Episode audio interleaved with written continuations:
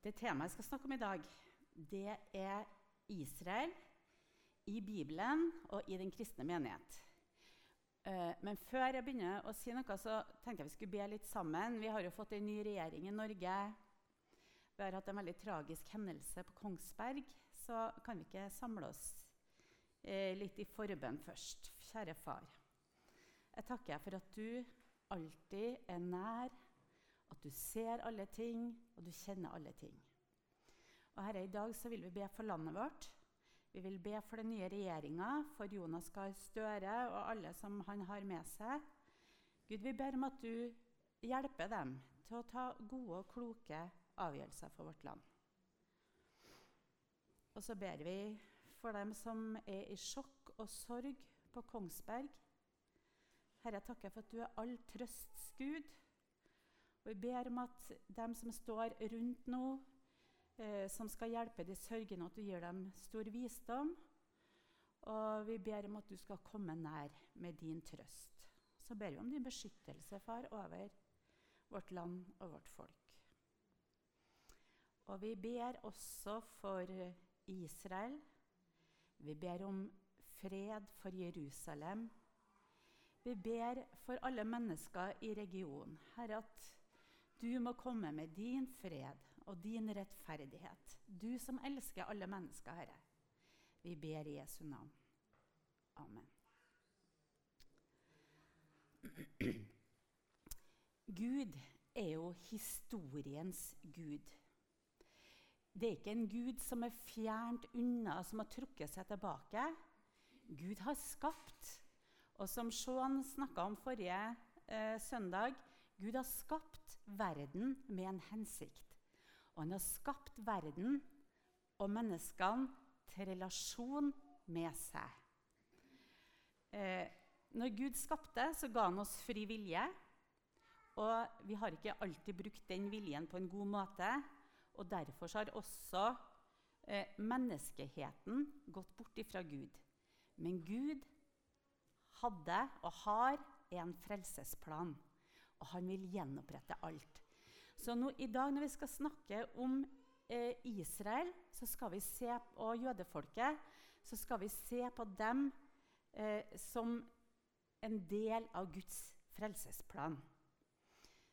Bare ta et kart først. Til venstre her ser vi eh, landet Israel, sånn som det ser ut i dag. Og det er et annet kart der av Nord-Afrika og Midtøsten, Middelhavet. Og da er jo eh, Israel nesten usynlig. Det er jo et bitte lite land som ligger Skal vi se, har jeg en sånn peker? Oi, se her. Eh, som ligger her ved Middelhavet. Og det ligger jeg kan si, midt imellom tre verdensdeler Europa, Afrika og Asia.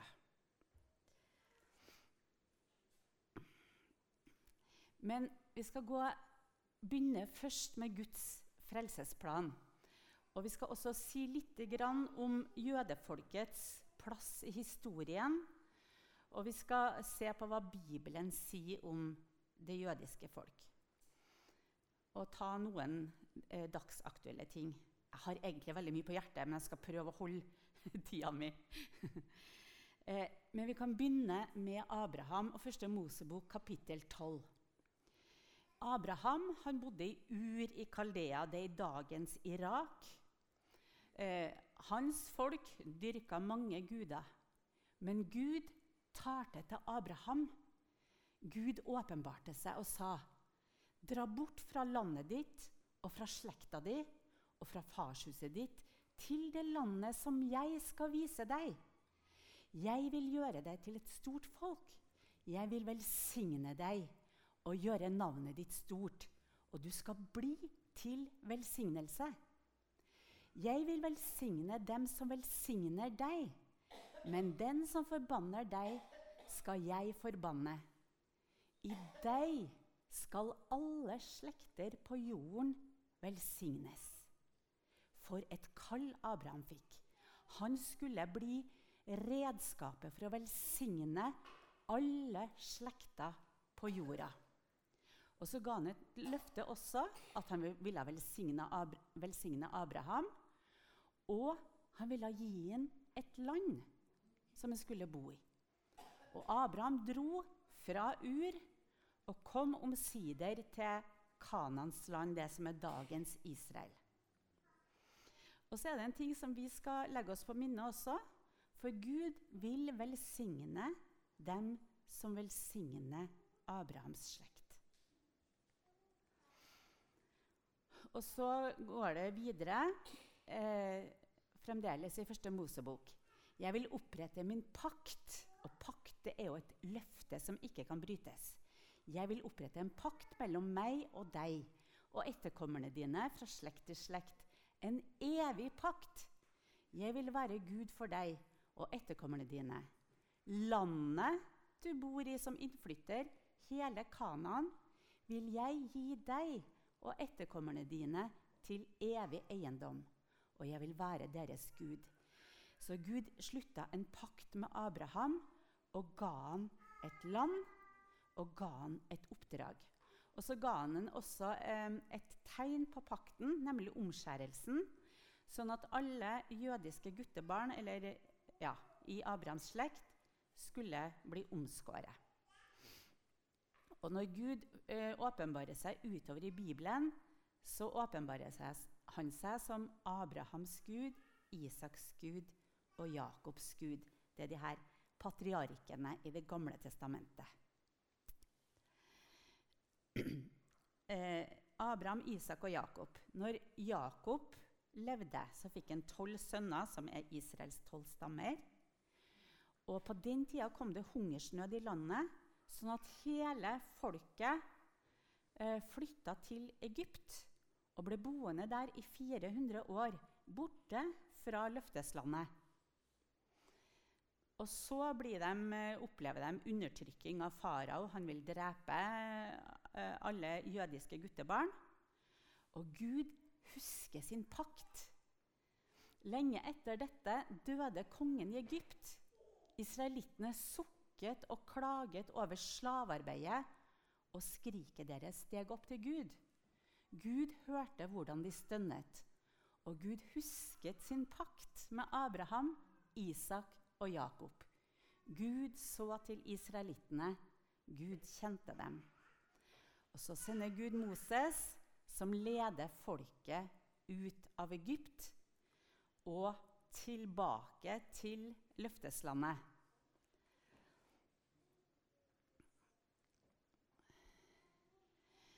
Og under den eh, ferden gjennom ørkenen tilbake til Kanans land så åpenbarer Gud seg for folket mange ganger.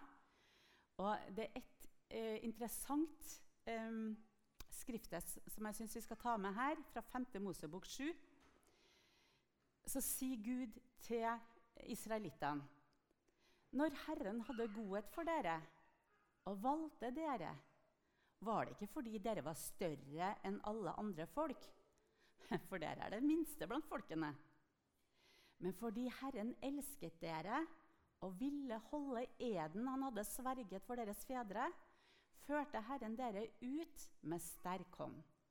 Han fridde deg ut fra slavehuset, fra faraos, egypterkongens hånd. Så vit da, det er Herren din Gud som er Gud, den trofaste Gud som holder pakten og viser kjærlighet det er det med Gud at Gud er Gud. Og han velger den han vil. Og han valgte det folket her. Ikke fordi at de var større, ikke fordi de var bedre heller, men fordi at han elska dem og ville åpenbare seg gjennom dem. Og så står det han holder sin pakt. Han er en trofast Gud. Og det skal vi vite om Gud. Han er en trofast Gud som alltid holder sin pakt. Også sin pakt med oss. Han har jo frelst oss og gitt oss evig liv. Han holder sin pakt. Og Vi skal ta med et vers til fra Det gamle testamentet, fra Jeremia. Dette er et vers som vi ofte gir til hverandre, og som vi trøster oss med. Men det er først og fremst sagt til Israels folk. Men vi kan også få lov til å ta imot det, fordi vi har fått del i de samme løftene. Jeg vet hvilke tanker jeg har med dere, sier Herren. fredstanker og ikke ulykkestanker. Jeg vil gi dere fremtid og håp. Når dere kaller på meg og kommer for å be til meg, vil jeg høre på dere. Dere skal søke meg, og dere skal finne meg. Når dere søker meg av et helt hjerte, lar jeg dere finne meg, sier Herren. Så vil jeg vende skjebnen for dere og samle dere fra alle folkeslag og steder som jeg har drevet dere bort til, sier Herren. Jeg skal føre dere tilbake til det stedet jeg førte dere bort fra i eksil.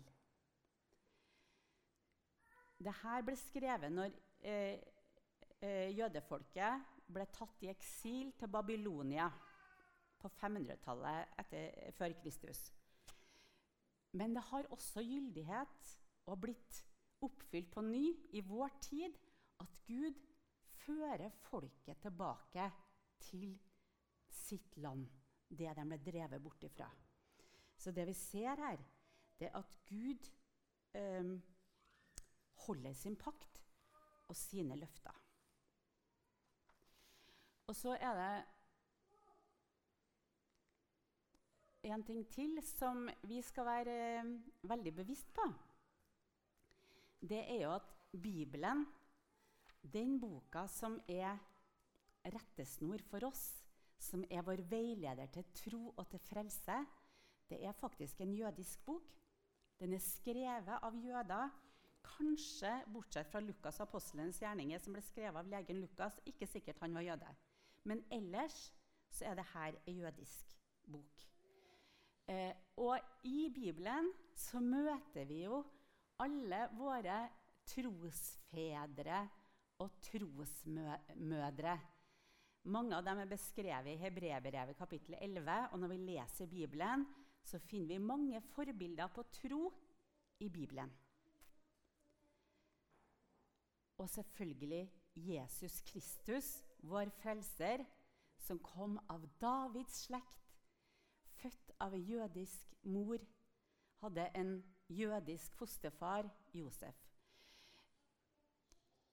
De her sannhetene her, som står så tydelig i Bibelen, de blir angrepet.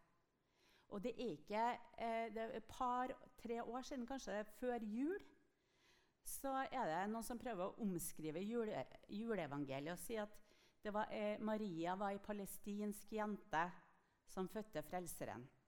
Altså det ble, man ville ikke vedkjenne seg at Jesus kommer fra jødefolket. Men vi tror på Bibelen, nemlig. Og Derfor er det viktig å ta med, for det her er frelseshistorie. Og derfor viktig um, å, å, kjenne til hva Bibelen sier, og også hva historien sier. Eh, da skal vi bare nevne et lite tema som hører med i den fortellingen her. Og det er temaet antisemittisme eller antijudaisme. Det betyr et hat mot jøder. Og kanskje nettopp fordi at de har en sånn plass i Guds frelsesplan, så provoseres djevelen og ønsker å ødelegge folket. Helt tilbake til Egypt. Eh, I fortellinga om Ester, der eh, mange av jødene bodde i Persia, så var det den onde Haman som ville utrydde alle jødene i riket. Et sterkt hat. Under romerne eh, så ble så, eh, Israel var jo okkupert av romerne på Jesu tid. Eh, og de fordrev Først så ødela de tempelet. Eh, fordi de ville ikke ha eh, de her bråkete jødene eh, og det tempelet deres og den gudsdyrkelsen deres. De la tempelet i Jerusalem i grus. Og litt senere, eh, 134 eh, etter Kristus, så gjorde jødene et opprør mot romerne. Og da sa romerne dere skal ikke få bo i det landet her. Sånn at de drev folket ut. Selvfølgelig har det alltid bodd jøder, for det var ikke alle som dro. Men fra da så ble jo jødene spredt over hele verden. Så ble Israel okkupert av muslimer og hele Midtøsten ble overtatt av muslimer på 700-tallet. Og da ble jødene en undertrykt minoritet i Midtøsten. De, måtte betale, de ble kalt for dimmier, både jøder og kristne. faktisk, måtte betale en beskyttelsespris til muslimene for å ikke bli trakassert. Så kom korsfarerne. Det var det kristne Europa som skulle befri Jerusalem fra eh, muslimene. Eh, og i et par hundre år, rundt tusentallet, så eh, var det korsfarerne som herska i, Jerusalem og Israel. Men ikke alle korsfarerne nådde helt fram dit. De kom kanskje bare ned i Tyskland og Frankrike. Og da sa de at ja, men Jesusmorderne de bor jo her. Vi kan jo bare ta dem her, så gjør vi Gud en tjeneste. Eh, I Øst-Europa var det store pogromer i flere hundre år. Og hvem leda an? Jo, det var den kristne kirka og prestene som forfulgte jødene. Og hver gang det kom til påske, så kunne de frykte ekstra mye, for da gikk de kristne, må si kristne i anførsel ut eh, i prosesjoner, brente synagoger, skamslo og drepte jøder. Så vi som kristen kirke, hvis vi identifiserer oss med en kristne kirke i stort, så har vi noe eh, som vi kan stå til ansvar for. Martin Luther, som kom med reformasjonen, han var også en antisemitt og sa stygge ting mot jødene. At skulle, synagogene skulle brennes, de skulle jages og slås i hjel. Og mange, mange tyskere sa at det Hitler gjorde, det var det Luther sa skulle gjøres. Og Norge, grunnloven av 1814 Jøder har ikke adgang til riket. Det er heldigvis endra da, etter um, Henrik Wergelands store innsats. Og så har vi Hitler og nazistene i Europa. Der seks millioner jøder eh, ble drept i det opplyste Europa. Og i moderne tid så har vi eh, De kaller det ikke antisemittisme. Veldig få vil vedkjenne seg at de er antisemitter. Men du har en veldig sterk antisionisme, altså at man er mot den jødiske staten Israel. Eh, og stiller helt andre krav til den staten enn andre stater. Og helst så ville man sett eh, staten utsletta. Og da eh, grenser det veldig tett opp til denne antisemittismen eller antijudaismen. Men bak antisemittismen så tror i hvert fall jeg at det ligger ei åndsmakt. Det er djevelen som vet at jødefolket de bærer Guds budskap eh, og er et tegn på Guds trofasthet og Guds pakt. Så Derfor så har du den der sterke eh, antisemittismen gjennom historien. Og så må vi ta med et, eh, en eh, teologisk retning som blir kalt for erstatningsteologi, som har virka inn og på en måte legitimert eh, kirkas antisemittisme. Eh, og det kan vi kalle for erstatningsteologi. Det innebærer at man ser det sånn at Israels og jødenes tid er forbi. Nå er det Den kristne kirke som er Guds utvalgte folk.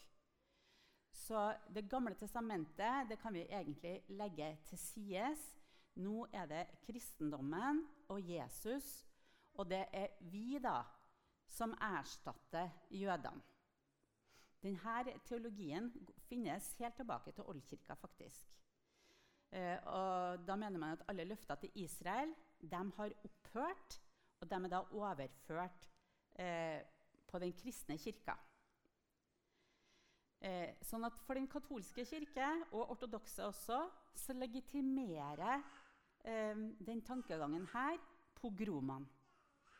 Eh, I 1965 så tok den katolske kirke et oppgjør mot dette under det andre Vatikankonsil, et sånt kirkemøte de hadde, og vedkjente seg at vi har synda, og eh, jødefolket er våre røtter. Så de har si, omvendt seg fra den. Eh, helt fram til 1964 faktisk, så bekrefta den lutherske kirke eh, erstatningsteologien. Men i 1964 så endra de det.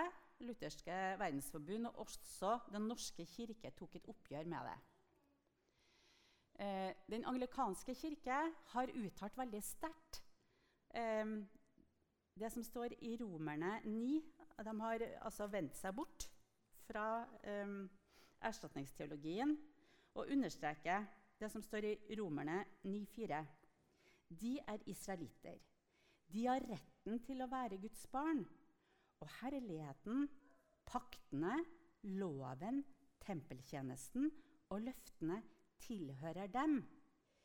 De, de har fedrene, og fra dem stammer også Kristus, Han som er Gud over alt, velsignet i all evighet. Amen. Dette løfter de fram eh, som sin holdning overfor det jødiske folk. Eh, og de eh, tar med Romerne 11,29, der det står at Gud ikke angrer sitt kall og sine nådegaver.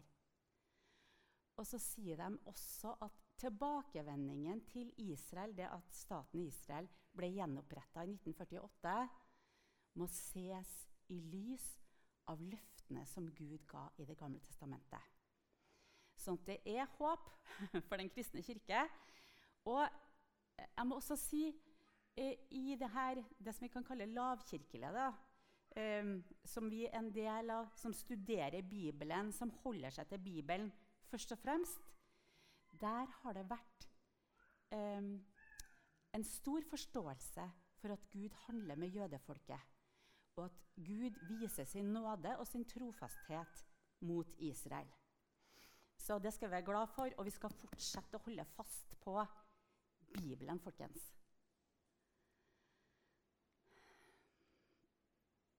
Men så, her i fjor, så eh, kom eh, biskopene i Den norske kirke med et slags hyrdebrev. Eh, veldig trist. Eh, der de sier at ja, de vil gå i rette med eh, kristensionismen. Altså dem som støtter staten Israels rett til å eksistere. Og de sier det på bakgrunn av at kirka i Midtøsten har bedt dem eh, om å eh, støtte dem i deres troskamp. Eh, de glemte dessverre at i Midtøsten så finnes det også jødekristne kirker.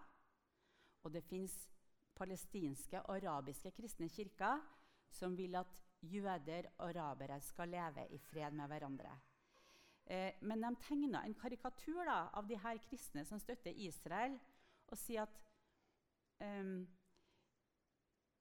de vil legitimere eh, Israels ekspansjonspolitikk.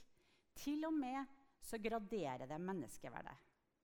Og når du tegner et sånt bilde, så er det lett å ta. ikke sant?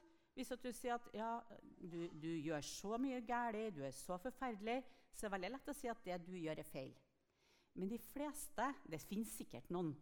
Men de fleste som støtter, som er kristne sionister i Norge, da, eller som støtter staten Israels rett til å leve, de elsker både jøder og arabere, palestinere. Det er ikke sånn at vi elsker jødene og hater palestinerne. Nei, vi elsker alle sammen. Eh, heldigvis så tok eh, Ole Kristian Kvarme, tidligere prest i Norske kirke, da, trønder for øvrig,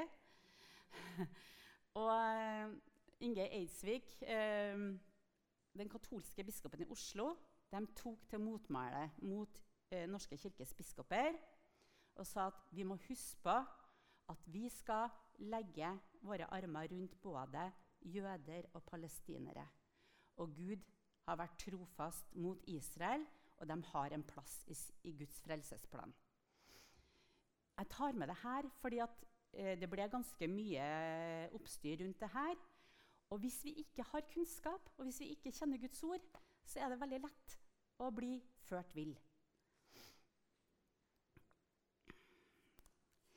Så skal vi ta med litt om hva Det nye testamentet sier. Jesus sier jo i samtalen med en samaritanske kvinne eh, sier til dere samaritanere dere tilber det dere ikke kjenner, men vi tilber det vi kjenner, for frelsen kommer fra jødene.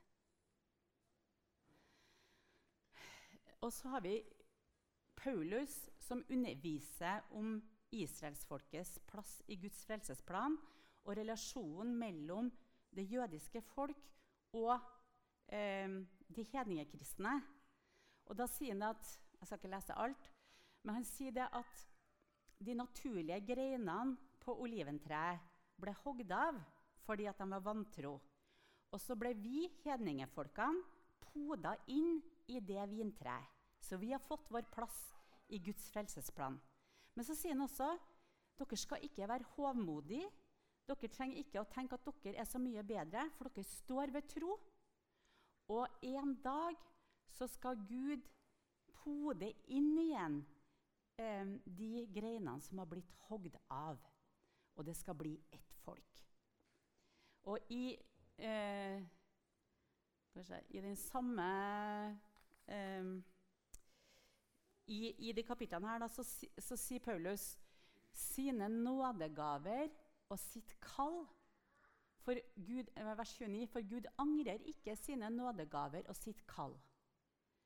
Sånn at han holder eh, fast på at Gud, som har eh, kalt Israel, som har kalt Abraham og det jødiske folket, Gud viser sin trofasthet og angrer ikke på det kallet. Ja. Det her eh, tror jeg bare må hoppe fort over, eh, for jeg har satt opp eh, liksom, eh, Israels historie her. Men det er Jeg skulle gjerne holdt på lenge, vet du. Eh, men eh, vi kan gå fram til moderne tid. Israel, etter at romerne drev dem ut, så har landet vært under forskjellige okkupanter. Og um, i ca. 400 år så var de under det osmanske riket, eller ottomanske riket, som noen sier da. Som var et rike eh, med sentrum i Tyrkia, og som omfatta ganske mange land rundt Middelhavet, Nord-Afrika, når de var på det største. Det riket gikk dukken i 1917 under første verdenskrig. Og da var det britene og franskmennene eh, som da var seierherrer, som overtok mye av det området her. Og eh, Israel, eller Palestina Palestina det er egentlig filisterland, betyr det. Og det var et land som romerne brukte på, eh, på Israel. Da. Så det her Palestina det ble overtatt av britene. Og det er det som vi ser til venstre der, det kartet der. Er en pil her. Eh, alt det var, hørte det britiske Palestina-mandatet. Eh, allerede når de overtok det i 1917, så lovte de at jødene skal få et hjemland i Palestina. Da er vi i 1917. Um, men så ble det diskusjon i Storbritannia, og, var, og de hadde jo eh, under første verdenskrig fått støtte også fra en del arabiske krigsherrer. Så de hadde jo lovt egentlig landområdet her til flere. da. Så Derfor så tok de og delte av eh, Palestina. delte i to. Så i 1946 så ble det oppretta en stat her. Er det noen som vet hvilken stat det er i dag? Det er Jordan. Så landet Jordan det er egentlig en palestinsk stat, der 60-70 av innbyggerne egentlig er Palestina. Og så har du da resten eh, som er igjen. Så i 1948 så eh, da hadde eh, engelskmennene beslut, eh, beslutta å trekke seg ut. Og i 1948 så eh, laga FN en delingsplan for det området eh, Rest-Palestina, som skulle deles opp i en jødisk og en palestinsk stat. Her er den delingsplanen. Og da er det det brune som er Israel, og det grønnaktige som er den arabiske eller palestinske staten. Problemet var at eh, det ene, den eneste som ville anerkjenne den delingsplanen her av landene i Midtøsten, det var jødene. Så alle araberstatene sa nei, vil ikke ha noe jødisk stat her. Dette er muslimsk land. Men eh, likevel så vedtok FN den delingsplanen. Og staten Israel ble oppretta i 1948. Da gikk eh, seks araberland til krig mot den nyoppretta staten. Og de sa jo til eh, palestinerne som bodde her, at bare noen, eh, noen dager, noen uker, så skal dere få komme tilbake og overta alt det som jødene har. Og dem skal vi drive ut, kaste dem på havet. Eh, da skjedde ikke det. Eh, så i stedet så ble våpenhvilegrensa det som vi ser her. Så Israel ble faktisk eller det som kom under jødisk kontroll, det ble enda større i 1949. Det er enda ikke blitt anerkjente grenser, det er bare våpenhvilegrensa. I 19... Enten for hardt eller for uh, lett. Ja, I 1967 så gikk igjen araberlandene til krig mot Israel. Det sto tropper eh, i Sinai, i eh, Syria, Libanon, Jordan. Og de ville eh, igjen prøve å utslette Israel. Men da også eh, eh, vant Israel den krigen i løpet av seks dager. Og de overtok hele Sinai. De overtok Gaza, som til da var blitt okkupert av Egypt. Og de overtok Vestbredden, som var annektert av Jordan. Jordan sa vi tar den biten her og gjør det bare til en del av vårt land. I 1949. Så nå fikk Israel eh, alt dette under sin kontroll. Det største som skjedde for jødene, det var at de fikk komme tilbake. Jerusalem hadde vært en delt by fram til da, men de fikk innta Jerusalem og fikk komme til det området som er sitt aller, aller helligste sted, nemlig Vestmuren, eller Klagemuren, som noen kaller det. For det området her, hvor det i dag står to moskeer, det er det området der tempelet, det jødiske tempelet sto i gamle dager. Og dette er liksom denne plattformen, eller det fundamentet eh, hvor, den, hvor eh, eh, tempelet sto. da. Ortodokse jøder de vil ikke gå oppå der. Fordi eh, de vet ikke akkurat nøyaktig hvor tempelet sto hen. Så tenk om de går oppå der, og så setter de beina sine der det aller helligste var. Det må ikke skje. Så de ortodokse de går aldri oppå der, sånn at de ikke skal trå feil og tråkke inn i det aller helligste. Eh, men alle sammen går til Vestmuren for å be. Eh, eh, Israel trakk seg ut av Gaza på slutten av ja, rundt år 2000. Eh, så det er overlatt til eh, palestinerne, og det er Hamas som regjerer der. Vestbredden har de fått et indre selvstyre. Og det har jo vært forhandlinger om å opprette eh, en palestinsk stat. Eh, men Hamas og Fatah, som er på hver sin plass der, de kan jo ikke bli enige om hvem som skal lede den. Og de vil heller ikke akseptere Israel. At det, at det finnes en jødisk stat der. Så Hamas sier at vi har én plan, og det er å utslette Israel.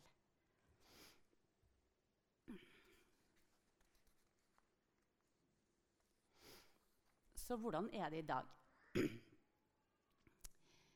eh, det finnes én jødisk stat, Israel, der jødene kan leve i fred, der, det, der du ikke blir trua som jøde, der det ikke er antisemittisme.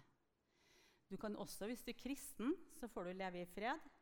Hvis du er muslim, så får du leve i fred i det landet. For det er jo en ganske stor minoritet av muslimer i Israel.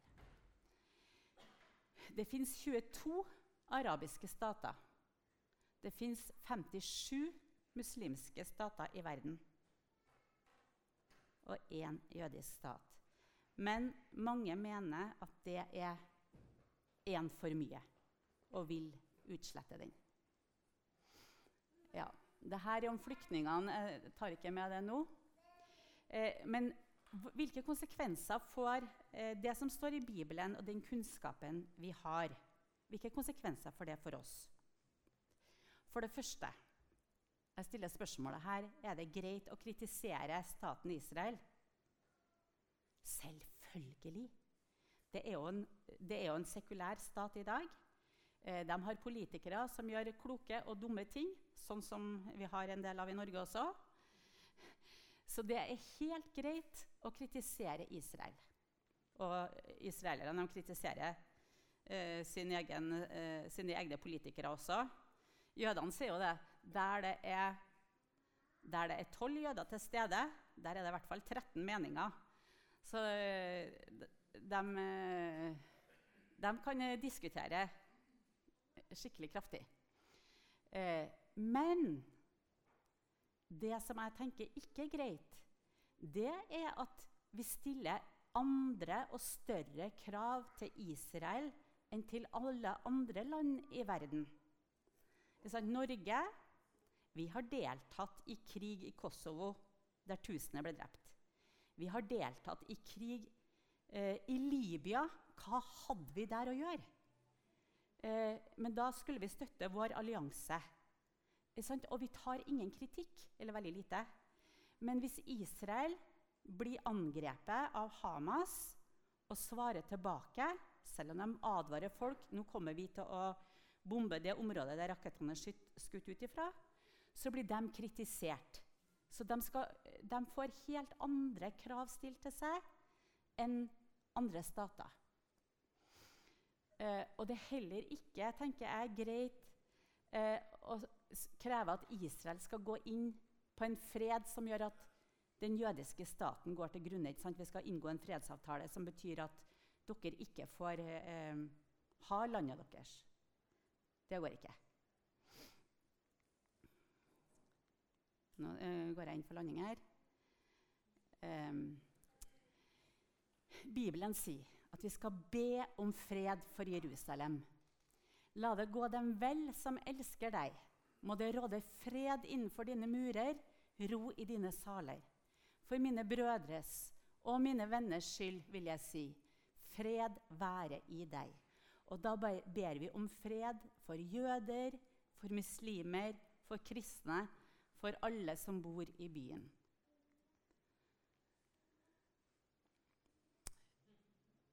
Det var eh, en som stilte spørsmål når, Jesus, når Andreas og Philip hadde møtt Jesus. Så sier de vi har møtt Messias, Jesus fra Nasaret. Og så svarer Bartimeus, Bartlomeus, kan det komme noe godt fra Nasaret? var hans spørsmål. Og det er det mange jøder som spør om også. Kan det komme noe godt fra Nasaret? Kan det komme noe velsignelse for oss fra de kristne? Historien viser at kristne gjennom århundrene ikke har velsigna det jødiske folket.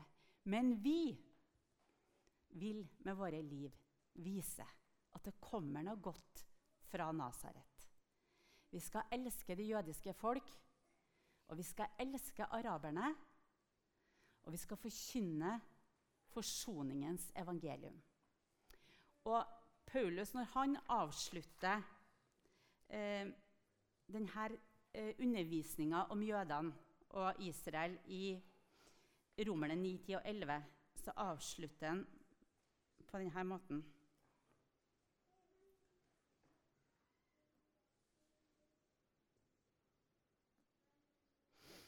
På samme måte har de, altså jødefolket, vært ulydige. Men den barmhjertighet dere har fått, skal føre til at også de nå får barmhjertighet. Det er Guds plan. Gud lukket alle inn i ulydigheten for å kunne forbarme seg over alle, både jøder og eh, hedninger, ikke-jøder. Og så utbryter Paulus.